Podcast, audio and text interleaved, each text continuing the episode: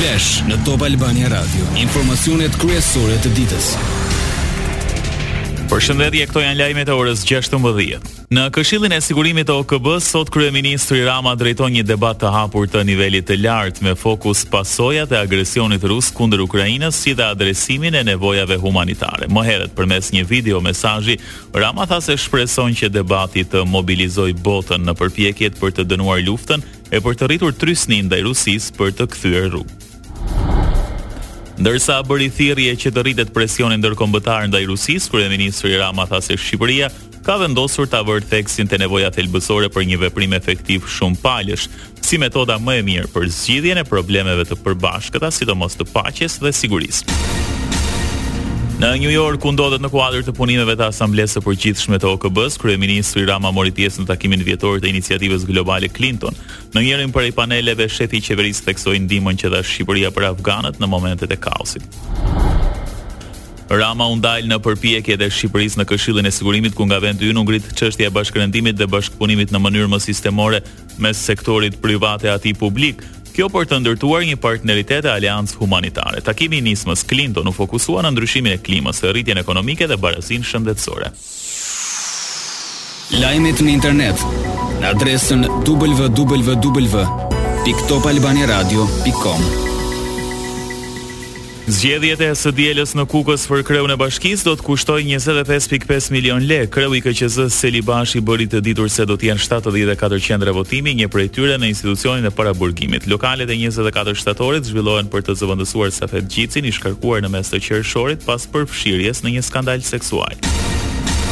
Prokuroria e Përgjithshme shpalli emrat e shtatë kandidatëve në garë për tre vende vakante në Këshillin e Lartë të Prokurorisë. Ata janë Afërdita Ndoi e Moisi Duda nga Prokuroria e Apelit të Juridiksionit të Përgjithshëm Tiranë, si dhe Edina Kurti, Edlira Bako, Elsa Miha, Olger Eminaj e Vat Staka nga prokuroritë Durrës, Elbasan, Tiranë, Korçë dhe Shkodër. Një viktimë dhe dy të plagosur në dy aksidente në vend pas Tridhjetë e dy vjeçares që gjeti vdekjen te mbikalimi i Patokut kur humbi kontrollin e makinës, një tjetër aksident u shënua po sot në rrugën e Arbrit pranë Qafë Murrizit.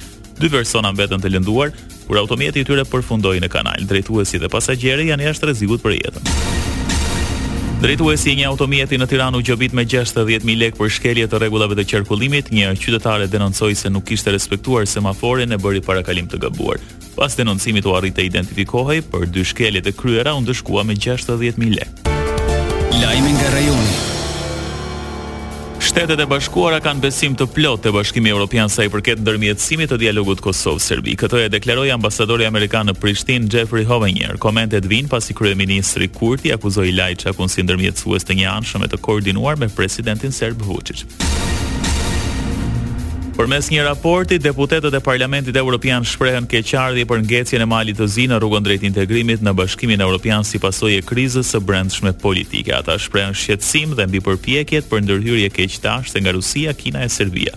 Në Komisionin e Politikës së Jashtme, raporti u miratua me 51 vota pro, 3 kundër dhe 8 abstenim.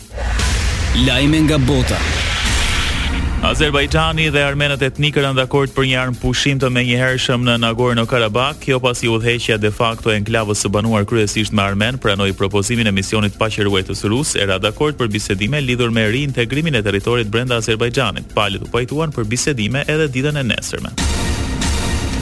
Po ashtu për nesër është caktuar mbledhja e Këshillit të Sigurimit të Kombeve të Bashkuara pas shpërthimit të dhunës në Karabakh. Azerbajxhani dhe Armenia kanë zhvilluar dy luftëra për kontrollin e rajonit të shkëputur, me më të fundit që u zhvillua para 3 vitesh. Shefi i OKB-së për mbikëqyrjen bërthamore Rafael Grossi tha se heqja e kamerave e të tjera sistemeve monitoruese elektronike nga Irani ia bëjnë të pamundur agjencisë që drejton të japë garanci për programin atomik të Teheranit. Më herët Grossi paralajmëroi se Irani ka pasuruar mjaftueshëm uranium e mund të krijojë disa bomba bërthamore nëse dëshiron. Inteligjenca artificiale shihet si kërcënim e mundësi për gazetarinë. Gjysma e të anketuarve thanë se kanë shqetësime lidhur me ndikimet në punën e tyre. Por mes përfitimeve listojnë kursim kohe. Studimi nga Shkolla Ekonomike e Londrës anketoi mbi njëqind organizata mediatike nga dyzet e gjashtë shtete. Parashikimi i motit. Vendi ynë do të vijojë të jetë nën ndikimin e kushteve atmosferike relativisht të paqëndrueshme, moti mbetet me alternime kthjellimesh e vranësirash. Në relievet malore kryesisht në lindje të territorit, vranësirat do të shoqërohen me reshje shiu të izoluara. Temperaturat variojnë nga katërmbëdhjetë në tridhjetë e tre gradë Celsius. Ndoqët një përmbledhje kryesore të lajmeve të ditës. Edicioni informativ i radhës është në orën 17. Kjo është Top Albania Radio.